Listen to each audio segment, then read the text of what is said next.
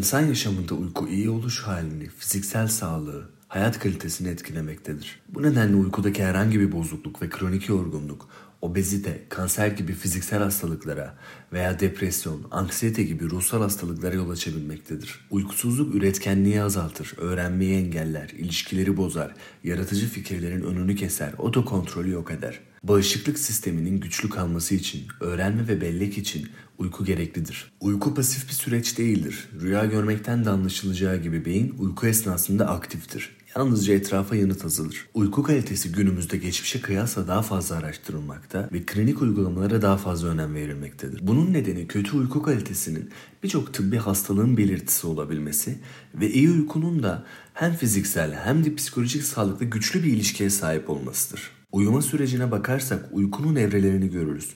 Bu evreler birbirinden ayrışır. Dört evreden oluşarak derinleşir. Kalp atışları yavaşlar, vücut soğumaya başlar, kaslar gevşer. Birinci evre bilincin tam olduğu, hafif uykulu hissedilen evredir. İkinci evrede uykuya geçilir ama uyku derin değildir. Üçüncü ve dördüncü evre delta aktivitesinin olduğu, bütün beynin koordine çalıştığı derin evredir. Dördüncü evredeyken REM başlar, uyanıklık evresine çok benzer, beynin aktif, vücudun pasif olduğu bir evredir. Gözler kapalıyken hareket eder, kaslar felç halindedir. Karabasan toplumda sıkça merak edilen ve hakkında çeşitli öyküler üretilen bir konudur. Bilimsel açıklaması şöyledir. Uyanma sürecindeki kişi dört uyku evresinin derinliğinden yavaş yavaş sırayla çıkar. Böylece felç halindeki kaslar ve vücuttaki diğer değişimler aşamalı olarak hayata uyumlu hale gelir. Bazı durumlarda kişi dört aşamadan yavaş yavaş uyanmak yerine en derin evre olan REM evresinden uyanıklık evresine birdenbire geçer. Bu durumda kişinin kasları REM evresinde felç halinde olduğu için hala felç halinde kalacak, rüyanın devam ettiği, zihnin ise aniden uyandığı bir tablo ortaya çıkacaktır. Bu tablo toplumda karabasan görmek olarak bilinir. Kişi zihnen aniden uyanmış ve gözlerini açmış olsa da bedenen uyku halinde ve rüya görmeye devam ediyordur. Rüyalar da toplumda merak edilen bir diğer konudur. Her rüyayı hatırlamayız ancak uykunun her evresinde rüya görebiliriz. Genellikle REM evresine yakın uyandığımız zaman rüyaları hatırlarız. Oysa ki birinci, ikinci, üçüncü evrelerde de rüya görebiliriz. Örneğin sabah görülen rüyalarının daha sık anımsanmasının sebebi REM evresinin sabaha doğru daha aktif olmasındandır. Normal uyku evresi şu şekildedir. Birinci evre, ikinci evre, üçüncü evre, dördüncü evre REM, ve mikro uyanıklık. Bu süreç 90 ila 120 dakikada bir tekrarlanır. Evrelerin sıralaması değişebilir. 2, 4, 1 şeklinde de olabilir. Bir rüyayı hatırlamak için bir tabi zihnin rüyayı kaydetmesi gerekir. Zihnin kaydetmesi içinse hafif uyanıklık gerekir.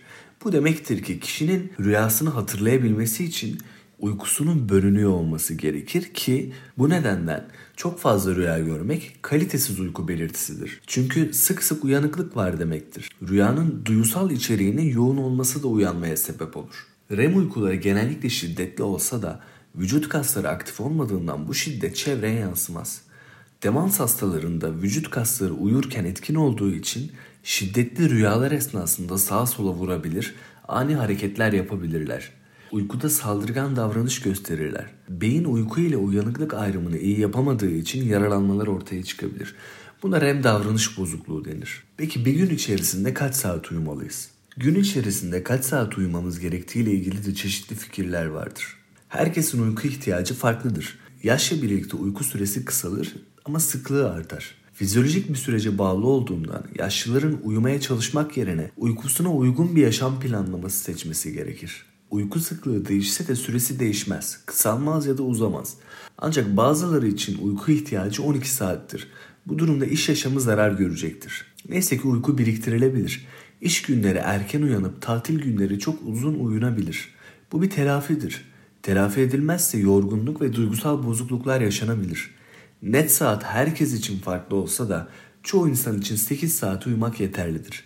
Kişinin ihtiyacından fazla uyuması da diyabet, baş ağrısı, kalp hastalıkları ve obezite ile bağlantılı bulunmuştur. Horlama ve kabuslara da değinirsek, horlama kendi başına uyku apnesi yoksa zararlı değildir.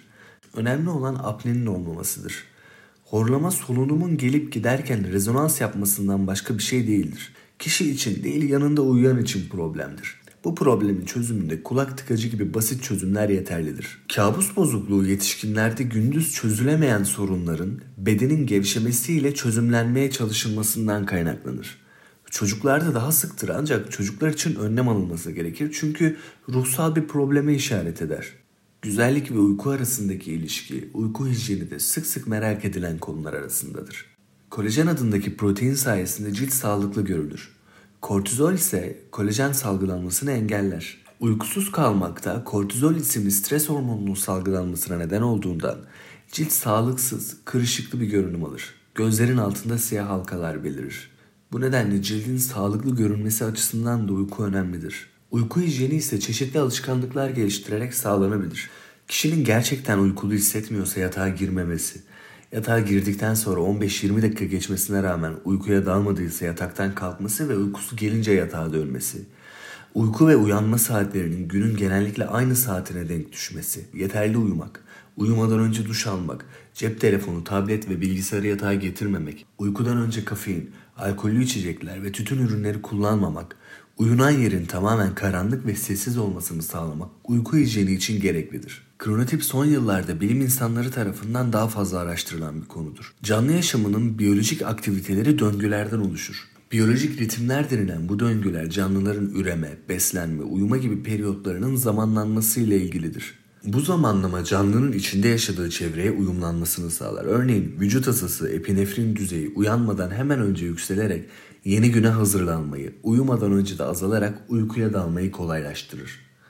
Kronotip ise bireyin 24 saat içinde fiziksel ve ruhsal olarak uyanık olduğu zaman dilimini tanımlayan bir sirkadiyen ritim özelliğidir.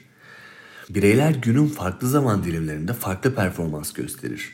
Farklı bilişsel beceriler sergiler. Aynı işi farklı kronotipteki kişiler en iyi performansla ancak farklı zaman dilimlerinde gerçekleştirebilir.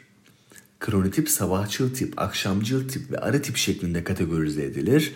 Araştırmalarda genellikle bireylerin %60'ının ara tip, %40'ının ise ya sabahçıl ya da akşamcıl tip olduğu bulunur. Bireylerin hangi kronotipte olduklarını tespit etmek için ilk gereken basitçe uyku ve uyanma alışkanlıklarının hangi zaman dilimine denk düştüğünü sormaktır.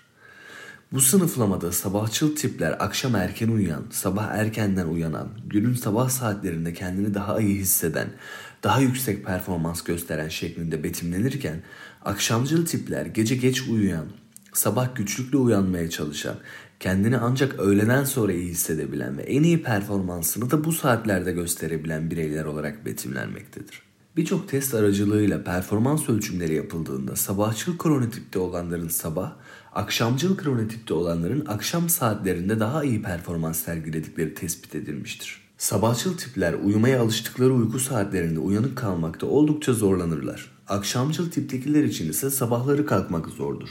Sabahçıl kronotipteki bireyler akşamcıl bireylere göre ışığa ve diğer uyaranlara daha senkronize bir yaşam sürerler. Sabahçıl kronotipteki bireylerin sahip olduğu pozitif mizaç akşam saatlerine doğru azalırken akşamcıl kronotipteki bireylerin gittikçe yükselmektedir. Kronotip farklılıkları çalışma takvimiyle de doğrudan ilişkilidir. Çünkü bireyin kronotip özelliği seçtiği iş için kendisinden istenen zaman dilimiyle uyumsuzsa ruhsal problemler ortaya çıkabilmektedir.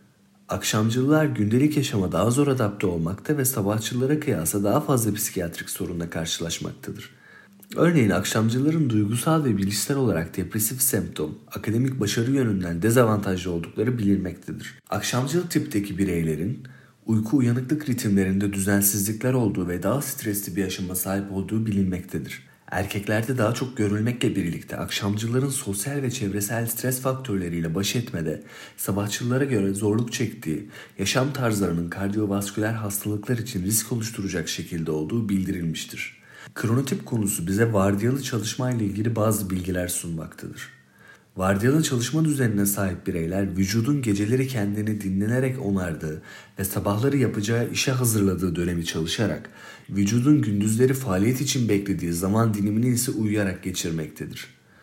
Bu ters durum kısa süreli sirkadiyen ritim bozulmalarına ve uykuda bozulma, iştahta azalma, duygu durumunda dalgalanmaya neden olmaktadır. Uzun sürdüğü takdirde kanser oluşumuna kadar gidebilecek bir takım biyolojik bozulmalara neden olmaktadır.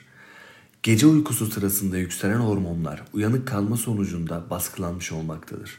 Sanayileşme ile birlikte ortaya çıkan gece vardiyalı çalışma sistemi yapay ışık maruziyetine neden olmakta, bu da uyku süresinde azalmayla sonuçlanmaktadır. Vardiyalı çalışma sonucunda uyku kalitesi düşmekte, iş performansı yitirilmekte, gündüz uykusu artmakta ve böylece sirkadiyen ritim bozulmaktadır. Sabahçıl kronotipte olanların gece vardiyasında çalışmasıyla akşamcıl kronotipte olanların çalışması aynı sonuçlanmamakta. Sabahçıl tiptekiler bu çalışmada akşamcıllara göre daha yorgun gözükmektedir. Sirkadiyen ritme bağlı oluşan psikolojik bozukluklar bireylerin kronotiplerinin günlük çalışma takvimleriyle uyumlu olmaması neticesinde ortaya çıkmaktadır. Bu nedenle vardiyalı çalışılacaksa dönüşümlü olmayan bir programda akşamcıl kronotipteki bireylerin gece çalıştığı, sabahçıl kronotipteki bireylerin sabah çalıştığı bir sistem zararı en aza indirmek için daha yerinde olacaktır.